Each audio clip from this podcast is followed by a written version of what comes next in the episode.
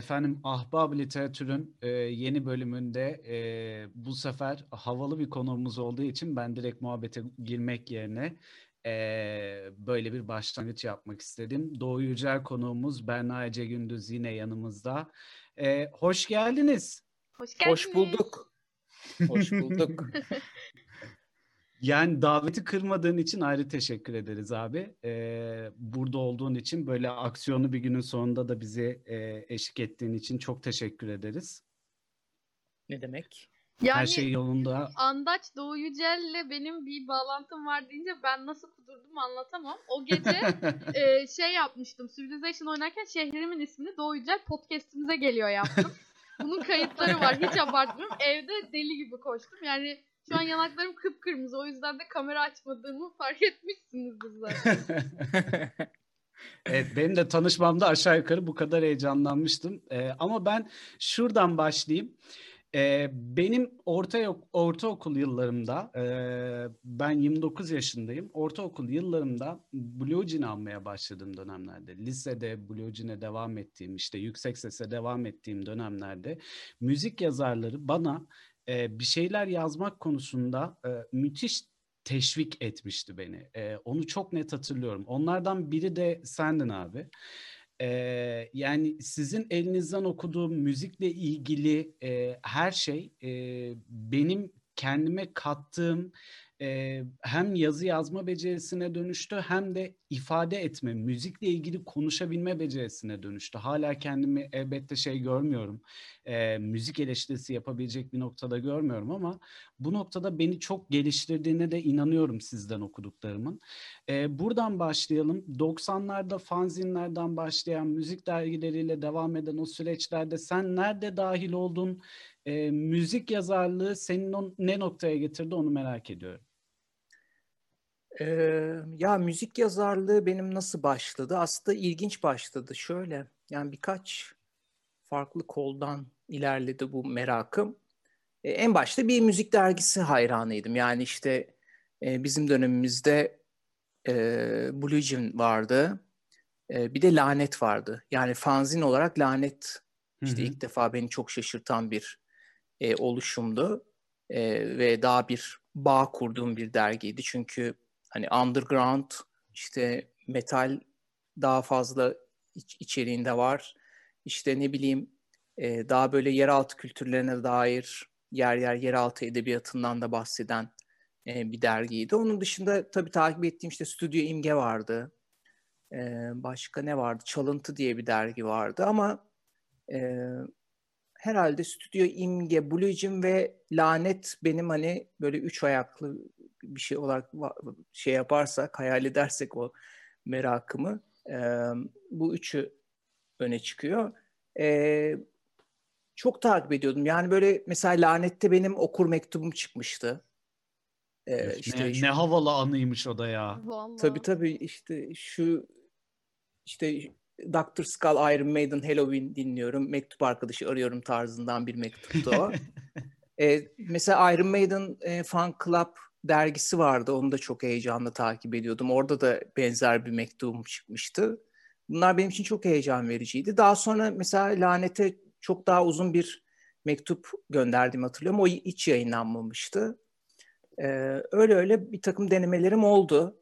Ee, okul dergisi çıkartıyordum ben. Ee, İzmir Amerikan Lisesi'nde okudum. Orada okul dergisinin editörü de aynı zamanda bendim iki arkadaşımla birlikte editörlük yapıyordum ve orada da işte müzik haberleri yazıyordum. Müzik gruplarıyla röportaj yapıyordum. Bir tane dönem ödevi gibi bir ödev ödevi dergi olarak hazırlamıştım. Orada işte İzmirli rock metal gruplarıyla röportaj yapmıştım falan. Böyle böyle başladım ama esas kırılma noktası herhalde Radyoaktif diye bir İzmir'de bir radyo kanalı vardı. Böyle hani radyo radyo eksen gibi hayal edin ama çok daha özgür ve anarşist bir radyo kanalı. Hı hı. Ee, yani o dönem işte 90'larda böyle özel radyolar ilk defa ortaya çıkmıştı ve abi acayip yani şu, ya o dönemin bence bir belgeseli yapılmalı. Gerçekten başka bir kafa. Ee, profesyonellikten tamamen uzak. ee, yani yer yer küfürlerin de edildiği işte dinleyicilerin de çok fazla katılım sağladığı böyle bir E, çok özgür bir kanaldı bu Radyoaktif. E, orada ben bir yarışmaya katılmıştım. E, yarışmanın ödülü bir saatlik program yapmaktı. E, ben o yarışmayı kazandım. Bir saatlik program hazırlayacağım. Çok profesyonel hazırladım o programı. Yani böyle saniye saniye yani böyle bir saatte bitti tam böyle yani 60.0'da bitti öyle yani anonslarla şarkılarıyla falan. Ve bana şey dediler yani bizim profesyonel DJ'lerimiz bile bu kadar profesyonel hazırlanmıyor dediler. Ee, ve ben 16 yaşındaydım. Nasıl bir cesaretse artık şey dedim ben devam etmek istiyorum dedim. Nasıl devam edeceksin falan yani karşımdaki adam 30 35 yaşında bir adam yani. Hani oranın işte tanınan bir e, rocker siması falan. Ben devam etmek istiyorum. Siz söylediniz yani iyi oldu bu falan. Ya yapamazsan 16 yaşındasın falan. Zaten takvimimiz dolu dedi ama ben o radyo kanalının takvimini o kadar iyi biliyordum ki böyle gün gün saat saat. Şey dedim. Pazar e, 8 ile 10 arası boş dedim. Bu böyle hayda. Sonra baktı e hakikaten boşmuş dedi. Hadi başla dedi.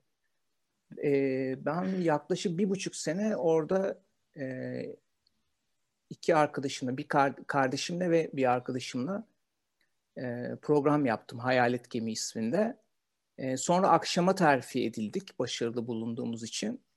E, sonra akşam saatinde pazar akşamı 8-9 arası devam ettim. Öyle bir zaten çok erken yaşta 16 yaşında müzik medyasına girmiş gibi oldum. E, o radyo kanalında Yücel'le tanıştım. Yücel Şahin Beyoğlu. O da e, bir süre Non Serviam diye bir dergi vardı. Bu da lanet tayfasını çıkardı İstanbul'da. Ama fanzin değil artık bu tam anlamıyla bir dergiydi ulusal dağıtımda olan. Ee, orada ya, yazabileceğimi söyledi e, Yücel. İrtibata geçtim. E, sonra yazılarımı göndermeye başladım. Beğendiler, yayınladılar. Sonra İstanbul'a geldim. E, İstanbul'a geldiğimde Non Serviam kapandı. E, öyle bir talihsizlik oldu. Fakat Radikal'de e, iş buldum. E, bir süre radikal eklerde çalıştım. Cumartesi ve pazar eklerinde. Orada sinema ve müzik alanında yazdım. E, daha sonra da e, Blue Jean'den bir teklif geldi. Jean'e transfer oldum. Böyle bir kısa özet. Kaçta başladı Jean abi? Yıl kaçtı? Ah, Jean 2001 Mart sayısı galiba ilk yazdığım sayıydı. Evet 2001 Mart yıl olması. olmuş. 20 evet. yıl olmuş. Evet. Gerçekten wow. Maalesef, maalesef. bu arada şu anda şöyle bir bilgiyi de geçmek isterim. Kurban'ın bu e, sahip albümü çıktığında bir yorum yazmıştınız Sadi Trak'la birlikte. Soru cevap falan yapmışsınız galiba ve ben o sayfayı alıp Blue Jean dergilerimden e, şu anda şeyimin önüne yani gördüğüm gözümün görebildiği bir duvara yapıştırdım ve sürekli ona bakıyorum.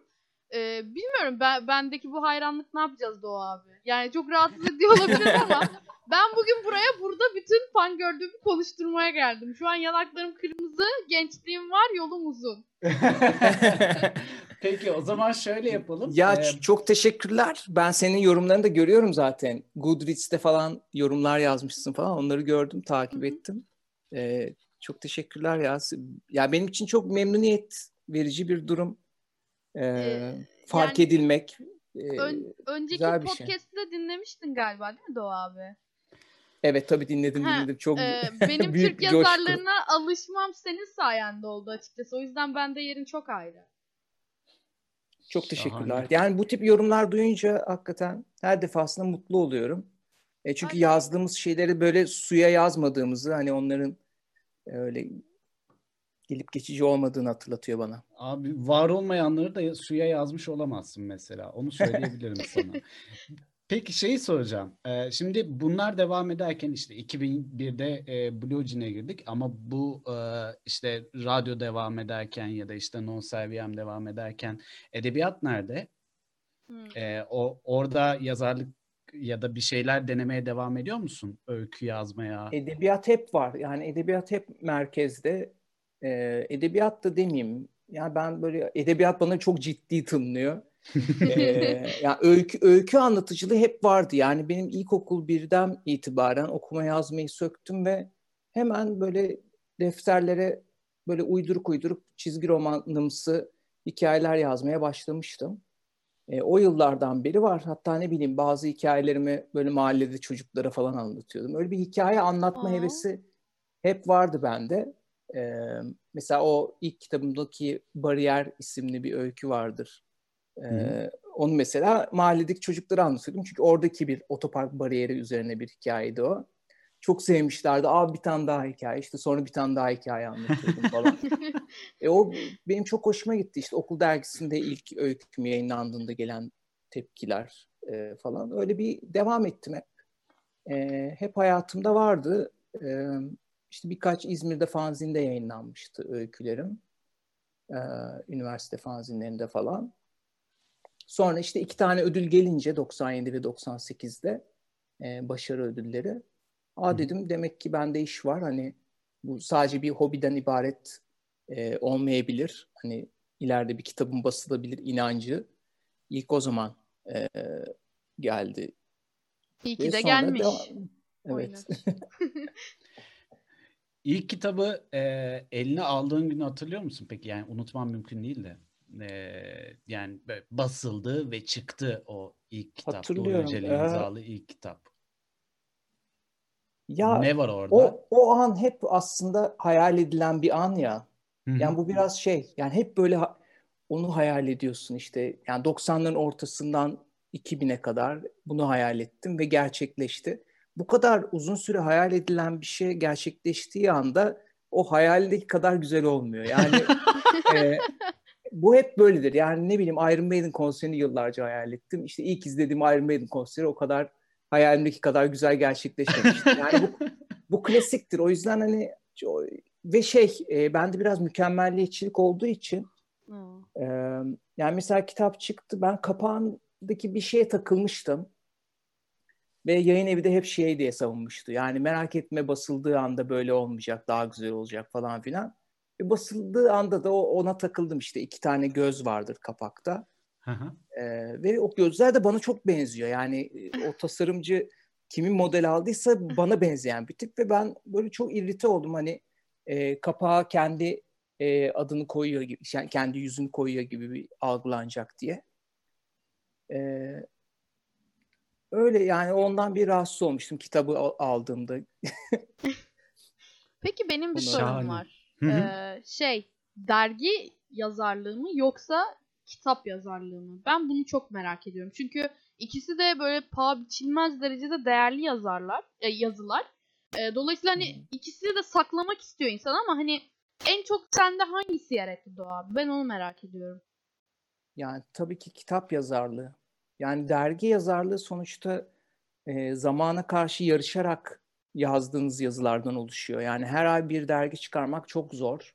Hı hı. E, her yazının arkasında, her röportajın arkasında bambaşka hikayeler var. Yani bir röportajın mesela asıl kısmı hani Andaç da bilir. Aslında o ayarlama kısmı, organize etme kısmı, nerede buluşulacağı gibi kısımlar. Hani e, ya da mesela o deşifre etme kısmı ki çok eziyetli, hiç eğlenceli olmayan bir bölüm. Ve evet. aslında en önemli olan kısım da o. Yani ben yeni e, son dönemde okuduğum röportajlardan çok keyif almıyorum. Genelde e-mail röportajı oluyor. Orada bir böyle bir yapaylık oluyor ya da eğer deşifre ise yani bizim zamanımızdan daha farklı bir deşifre mantığı var gibi geliyor bana. Yani biz daha böyle e, biraz daha kurgu yapıyorduk. E, söylenenleri yani devrikse düzeltiyorduk. Hani bozuksa şey yapıyorduk. Şimdi sanki böyle tape gibi geliyor. Hani böyle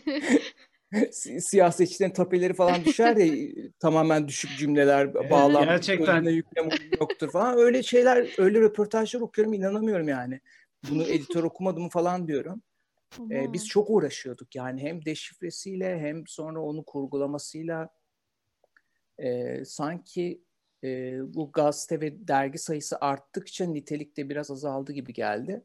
Hı hı. E, yazılarsa işte bazı yazılara gerçekten çok emek verdim. Mesela ben Headbank dergisinde benim of. intro yazılarım vardı. Evet hatırlıyorum. Onlara gerçekten onları. çok büyük emek sarf ediyordum. Yani e, işte yani bir dergi genelde 20 günde hazırlanır. E, o 20 gün boyunca ben düşünüyordum ne yazmalıyım, bunu ne kadar e, nerelere götürmeliyim o fikri. Yani bir öyküye hazırlanır gibi hazırlanıyordum. O o yazılar benim için çok kıymetli. Böyle bir takım başka yazılar da var.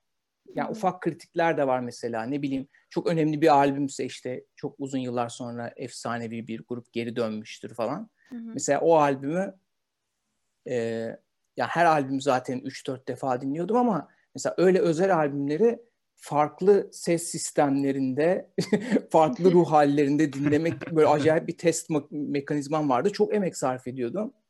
Ve sonra onu da ne bileyim hani çok da fazla analiz edemiyorsun o kritiğin, o kutunun bir e, şeyi var, e, ölçüsü var falan. Hani 10 cümleyle o 10 cümleyi böyle en doğru şekilde kullanmaya çalışıyorum. Çok büyük emek var arkasında. Ama sonuçta hani her defasında hani şey biraz e, fabrikasyon e, hissi barındıran yazılarım da var. Çünkü atıyorum işte ne bileyim Tokyo Hotel falan gibi şeyler çıkıyor. Hı hı. E, hadi Tokyo Hotel'in albümü çıktı, kapak yapmalıyız, hemen yaz e, baskıya gönderelim falan. Böyle çok aca- aceleyle yazılan e, yazılar da var. E, kitapsa bambaşka yani kitapta şimdi mesela var olmayanlar dedim biraz önce. Ben var olmayanları toplam 8 sene uğraştım yani.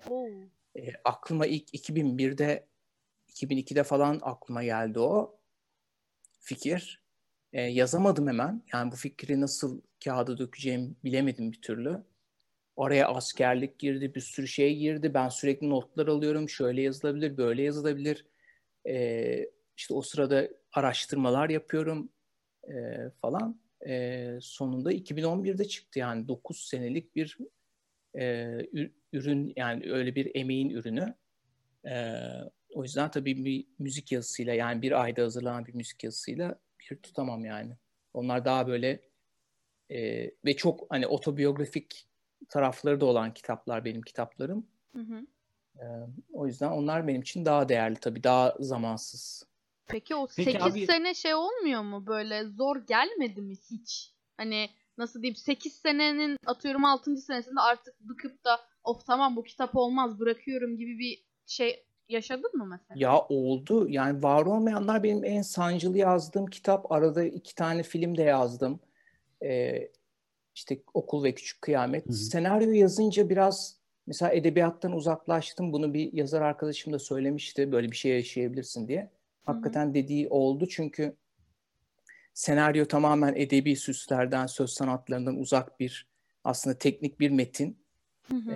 Ve o e, kendimi bir hikaye anlatısı olarak yani senarist olarak bulduğumda tekrar e, bir yazar kafasına girmekte zorlandım. Yani böyle yazdığım cümleler tat vermedi bana. E, hani edebiyat kastım o da yapay geldi falan. Bir böyle bir bocaladığım bir dönem oldu. O bocalamayı şimdi de yaşıyorum mesela. Mithat'ın kimdir Mithat Karaman'ın senaryosunu yazdım. Şimdi Mithat, o kitabın devamını yazıyorum ve biraz bocaladım ama e, şu an daha tecrübeli olduğum için herhalde çok uzun sürmeyecek bu bocalama hali. Ee, öyle ne diyordum? Ee, ben şu an hayran hayran dinliyorum. Hiç, ben de ne sorduğumu hatırlamıyorum ki. Anlat. Sen bir şey Şey diyordu sadece e, işte e, 8 senede bir kitabı ha, yazmak ha, evet. yorucu olmuyor ha, mu? Evet. Yani tabii o 8 sene boyunca böyle e, sadece o kitapla ilgilenmiyorsun. İşte araya askerlik, iki tane film, e, bir sürü hayat hikayesi, işte dergi koşturmacısı falan girdi. E, ama mesela bir noktada pes ettim çünkü yazdım yazdım yazdım böyle bir 40 sayfa falan e, bilgisayarım çöktü. Oo en kötüsü. Evet ve kaydetmemiştim. Of. Mahvoldum. Bir tane bilgisayar uzmanı bir eleman buldum. O böyle e, hard diskten kurtardı ama böyle şey yani böyle yamuk yumuk kurtardı. Böyle bir bazı yerleri yok. İşte cümleler kaymış falan. Böyle matrix kodları gibi. ee, sonra tekrar onlara bakıp tekrar yazdım. Ee, işte bir 60 sayfa falan yazdım. Yani kurtardım sayılır hani az çok ama çok uğraştırdı yine de. Sonra 60. sayfaya geldim ve e, şeyden yazmıştım ben onu üçüncü tekilden yani hı hı. Tanrı perspektifiyle hani o böyle böyle yapar falan gibi yazmıştım. E, o 60 sayfayı ve dedim ki yok bu anlatım şekli bu kitaba uygun değil. Bunun birinci tekil olması lazım dedim. E, tekrar o 60 sayfayı neredeyse silip tekrar e, birinci tekilden anlatmaya başladım. E, or, oralarda gerçekten bir e, yeter falan dediğim oldu. E, ama sonra sabrettim ve sonuca ulaştım. Vallahi helal. Şahane. Abi peki şey soracağım. Şimdi e, bu kadar uzun süredir e, müzik yazarlığı var. E, romanlar, öyküler bir yandan, e, filmler bir yandan. E, fakat işte mesela müzik yazarlığı artık e, dergiler üzerinden ilerlemiyor. Hiç değilse Türkiye'de. E, neredeyse bitti. E, okurlar açısından hem e, roman öykü okurları açısından hem de e, müzik okurları açısından neler değişti? Ne oldu da mesela e, biz artık müzik dergisi okumuyoruz? İnternet tek nedeni mi bunun? Hmm. hmm. Yani internet büyük bir nedeni olsa da herhalde tek nedeni değil.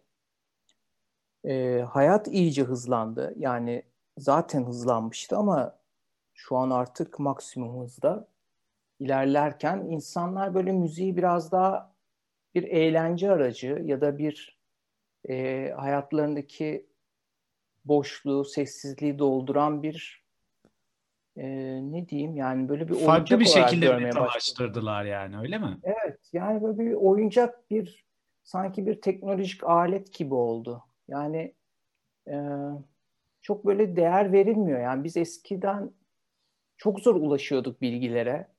E, işte Stüdyo Ümit'e gidiyordum. Orada şarkı sözleri buluyordum. O şarkı sözlerini gidip fotokopicide fotokopi çektiriyordum. Ee, işte çok yüksek fiyatları bazen yabancı dergi almak zorunda kalıyorduk. Çok sevdiğimiz hmm. gruplar varsa. Ee, ve oradaki en ufak bilgi kırıntısı bizim için çok önemliydi. İşte kasetleri alıyorduk. Kasetlerin içinde böyle katlanan e, kitapçıklar vardı. O kitapçıkta yazan ufacık şeyleri ezberliyorduk. Yani mesela teşekkürler kısmı vardı. O teşekkürler kısmında kimlerin adı geçiyor. Yani o isimlerin e, tanınır olup olmaması da önemli değil. Onları okuyorduk. Aa bu, buna işte bilmem kim de teşekkür etmişti. Bu kadar böyle büyük yani bu kadar ufak detaylara takılıyorduk. Ee, şimdi o kadar önemli değil gibi. İşte dün Spotify'da yeni şarkıları dinlemeye başladım. Bir tane şarkı var. İçinde My Dying Bride var, Apocalyptica var. Ee, Typo Negative diyor. Typo Negative zaten dağılmış durumda şu an nasıl Typo Negative olabilir falan. Yani information'ı, bilgiyi bile artık doğru düzgün vermiyorlar. Ne olduğu belli değil. Tekli bir tek bir şarkı mı? Aneke şarkı söylüyor mesela içinde. Hmm. Bu nedir? Proje midir? Gitarları kim çalıyor? Hiçbir şey bilmiyorsun yani. Öyle bir şarkı. Yani e, bu biraz işte dijital platformların elinde olması. Bunlar biraz tekel gibi davranıyor ve işin kolayına kaçıyorlar. E, meta gibi görüyorlar her şarkıyı. İşte bir Spotify'ın e, CEO'su mu ne çıktı şey dedi. Her hafta şarkı yükleyin ki e, hayranlarınız çoğalsın e, falan. Her hafta nereden şarkı koyuyorsun? Yani Robot sen öyle bir misyon öyle bir misyon yükleyemezsin ki sen kimsin yani? Sen, e, bunların sırtından e, zengin olan bir adamsın yani. E, ya aynen öyle. Bu da yani hani şey değil ki YouTube'a işte iki dakikalık vlog çekiyorum ve yüklüyorum değil ki değil yani. Hani ki. Müzik evet, yapıyor. Evet. Evet. Albümler yani ne öyle... acılarla çıkıyor. Hiç bilmiyorum. aynen öyle. evet yani işin değeri azaldı. Bu işe verilen değer, e, müzisyenlerin bu işten kazandığı para hepsi çok düştü. Yani ben biraz mesela ona bağlıyorum işte hep soruluyor neden artık Led Zeppelin'ler, Pink Floyd'lar, Iron Maiden'lar çıkmıyor diye. Ee, ya da U2'lar, Depeche Mode'lar falan. Hı hı. Yani e, biraz ne kadar ekmek o kadar köfte şey vardır ya insanda. Yani şimdi e, bir müzisyen kariyerine başlarken bir gün adam olabilir falan gibi bir motivasyonla başladığında daha büyük bir dahiye dönüşebiliyor. Yani çok daha büyük bir motivasyon var. Biraz insan hırsıyla alakalı bir şey söylüyorum ama e, ama şimdi diyor ki yani ne kadar iyi bir sanatçı olursam olayım ben stadyumları dolduramayacağım. Çünkü artık öyle bir e, haleti ruhiye kalmadı dünyada. Yani böyle bakan bir müzisyen daha minimalist bir şeyler yapabilir. Hani o kadar böyle gösterişli büyük o eski görkemli müzikler sanki artık karşımıza çıkmayacak. Çünkü müzisyenler de zaten zar zor geçiniyor. Yani böyle bir ortamda mesela yazarlar için bu geçerli değil. O yüzden edebiyat daha iyi durumda. Ee, ama müzisyenlerin durumu kötü ya. Yani bilmiyorum ne olacak. Headbang de bu yüzden mi peki biraz daha sonlandı gibi diyeyim. Çünkü aslında çok da önemli bir yeri var sanırım mecmualar arasında, dergiler arasında Headbang'in ve hani bitmesi, sonlanması da biraz üzdü açıkçası. Valla Headbang işte Jean'in eki olarak başladık. Hı hı. E, 2007'de. ilk birkaç sayıda Jean'in tirajlarını acayip zıplattı. Hı hı. E, sonra o e, etki bir anda sıfırlandı neredeyse. Bunun Aa. üzerine vazgeçtiler. Headbang kapatıldı. Headbang'in ilk kapatılışı değil bu. Daha önce de Aa. kapatıldı. Aa. Sonra baktılar yok etkiliymiş aslında çünkü Blue Jean'in tirajları çok düştü Headbang'siz. Headbang'i geri getirdik. Ee, daha güçlü bir kadroyla ve daha iyi bir tasarımla. Ee, sonra yani yıllar içinde bu Headbang denek taht- tahtasına döndü. Yani bu, bu üniversite e, sınavları gibi sürekli farklı sistemlerde, farklı sayfa sayısında, farklı e, kağıt kalitesinde e, çıkıp durdu ve sonunda artık e, bir noktada direnişini kaybetti yani. Şahane. Şimdi e, Mithat Karaman'ın filmi geliyor. E, Evet. Biz ne zaman izleyeceğizi sorayım mı? O noktaya geldik mi? Yani kesin değil şöyle İstanbul Film Festivali'ne başvuracağız.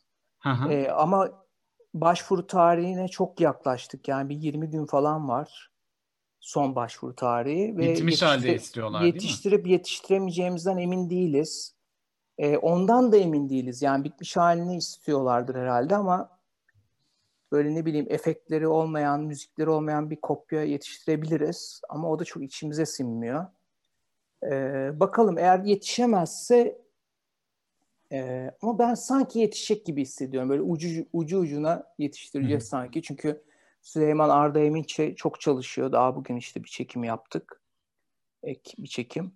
Ee, olmadı. Eylül'de herhalde e, sinemalarda vizyona girecek diye bir planımız var. Tabii sinemaların normalleşmesi Normalleşmesi lazım. Tabii. lazım. Evet. Olmadı dijital platformlar olabilir ama ilk hedef sinemalar.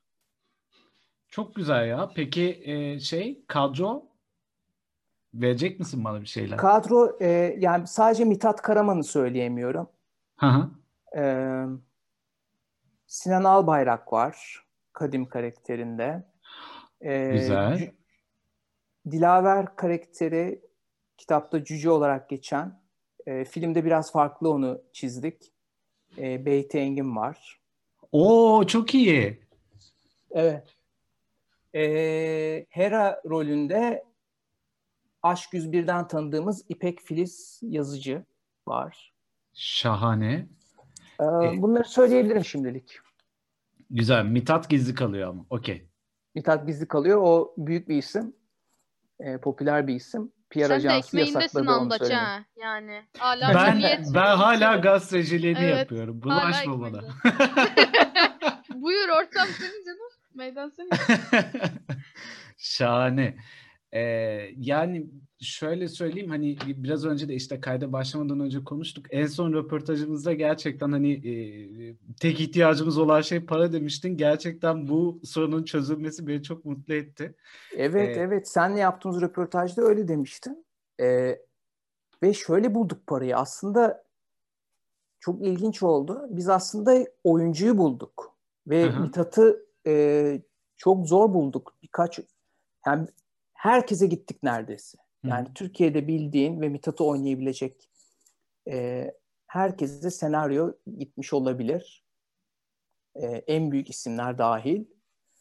E, fakat hiçbiri böyle tam olarak da içimize sinmiyordu. Sonra bir isime ulaştı Arda. Ben önce emin olamadım yani bilmiyordum oyunculuğunu.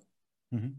E, ama sonra e, hem e, oyunculuğuyla yani birkaç böyle denemesine şahit oldum.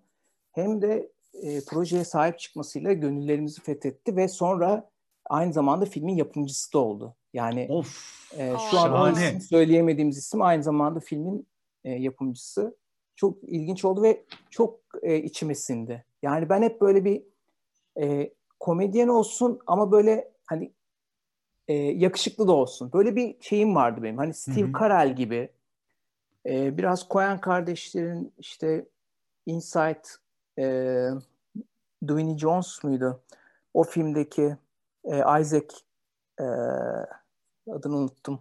Isaac Star Wars'ta da oynuyor en son. Aa, Neyse. Tamam. E, okay. Kafamda öyle bir karakter vardı ve çok benziyor ve bana da benziyor ilginç bir şekilde hani e... Oscar Isaac mi? Şu an hatırladım. Heh, Oscar Isaac. Oscar, Oscar Isaac, Isaac evet. evet. O tarz Şahane. bir oyunculuk var. Bakalım. E, sürenin sonuna yaklaşırken son bir soru soracağım. Kısa. E, evet. Peki şimdi bunların hepsini daha önce kağıda döktüğün bir roman olması, bir öykü olması amacıyla kağıda döktüğün bir şeyi perdede görmek nasıl bir his? Ya müthiş. Yani gerçekten hayat yolculuğumun e, en gurur verici, en e, sürreal, hı hı. en mutluluk verici olaylarından biridir. Yani okul filmi öyleydi mesela. Yani e, ki okul filmi serbest uyarlamaydı. Yani aslında hiçbir karakter tam olarak kafamdaki gibi canlanmamıştı. Çünkü üniversitede geçen romanı liseye uyarlamıştık. Aslında bütün karakterlerin gençliğini görmüştük. Hı hı. Ama mesela orada da Güldem karakteri Nehir Erdoğan hem fizik olarak da kafamdaki karaktere yakındı. Ee, orada da bir otobiyografik bir durum var. Ee, Nehir Erdoğan orada çok mutlu etmişti beni. Ee, hem oyunculuğuyla hem de kafamdaki karaktere yakın oluşuyla. Ama diğer karakterler ve mekanlar aslında hayal ettiğimden çok uzaktı. Ee, burada birebir. Yani böyle bir şey olamaz. Yani senaryoyu Arda ile yazdık ama yani kitaba bakarak yazdım ben. PDF'i ekranı soluna koydum. Senaryoyu sağına koydum. E, kitaba baka baka yazdım. E, ve e, mesela Cennet Apartmanı var orada. Cennet Apartmanı'nı e, Mustafa Ziya Ülkenciler filmin sanat yönetmeni. Hı-hı. Eşkıya'nın birçok önemli Türk filminin sanat yönetmenidir. E, orayı dekor olarak gerçekleştirdi. Yani hayalimdeki apartman böyle bir dekor olarak kuruldu oraya falan. E, Kadim Bey'in evi çok önemli bir e, ev ve dekor e, şeyde e, kitapta ve filmde. Hı hı. Ben girdim ve aynı zamanda Mithat'ta da benim otobiyografik bir tarafı var Mithat'ın. E, Birçok sahneyi orada ben yaşadım aslında. O Mevlüt sahnesi vardır kitaptaki insanların çok güldüğü. Ben Kadim Bey'in evine girdim ve bir an yani zaman makinesine binmişim de o Mevlüt sahnesi benim yaşadığım bir sahneydi. ve sanki oradayım gibi oldu. O kadar böyle duvar kağıtlarıyla, oradaki masanın şekliyle, e, danteller, manteller böyle inanamadım yani. Gerçekten işte duvardaki antika saatiyle falan. E, birebir kafamdaki gibi canlanmış neredeyse. Çok bambaşka bir tecrübeydi bazen şaşırıyorum. Bugün Arda ile konuştuk. Bazen durup durup kendi, kendisine şey diyormuş. Ya gerçekten çektik miyiz bu filmi? gerçekten oldu mu? ben de onu yaşıyorum yani. Ki ikinci tecrübem ikinci defa bir kitabım uyarlandı ama bana hala hayal gibi geliyor. Çünkü biz bu sektörün dışından tipleriz. Yani hı hı. bizim için filmi gerçekleştirmek, e, şu an filmi gerçekleştiren insanların kadar kolay olmadı. Yani biz iki senedir, iki buçuk senedir bunun peşinde koşuyoruz. Ee, ve gerçekten hala inanamıyoruz çektiğimize ve bitirdiğimize. Bakalım umarım güzel olmuştur ve seyirciler sever. Bir de sonra Mithat 2 de e, Mithat 2 şeklinde devam edeceğiz. Yani ben kitabını yazıyorum şu an Mithat'ın devamını. Ee, böyle bir karakter iptalim. çıktı Bu gerçek birden. mi? Bu gerçek mi? Bir dakika. Ciddi mi bu? Ben gıdım gıdım okuyorum kitaplar bitmedi. Şu anda bu haberi aşırı coştum. Şahane olmuş gerçekten. İkiyi duymak da iyi oldu. Evet yani durduk yere bir Mitat diye bir karakter çıktı. Bir, bir takım maceralara girdi falan. Ben de bazen çözemiyorum nasıl oldu bunlar. Ben bunu nasıl yazdım. Ama Güzel bana şey gibi galiba. geliyor Mitat. Böyle hani e, liselerde falan Türk Edebiyatı'na işte şu yazarın şu karakteri şöyle bir kişiliktir. Şu özellikleri taşır diye öğretilir yani böyle biraz belli başlı Evet. strüktürde olur o karakterler. Mithat bana e, bu dönemin yazarlarının özellikle işte Doğu Yücel'in Mithat karakteri diye tanıtılacak bir karakter olarak geliyordu nedense en Evet. başından beri. Ben de öyle düşünüyorum. Yani bu Martin Eden gibi, Hı. e, Oblomov gibi Evet. karakter olarak umarım yaşamaya devam eder zihinlerde. Türk Edebiyatı'nın Oblomov'unu kazanıyoruzdur umarım. Ee, Yücel konuğumuzdu. Berna Ece Gündüz'le beraber hazırladığımız Ahbab Literatür'ün en havalı bölümünü dinlediniz. Kesinlikle. Tekrar görüşünceye kadar kendinize iyi bakın. Hoşçakalın. Görüşürüz. Bay bay. Görüşürüz.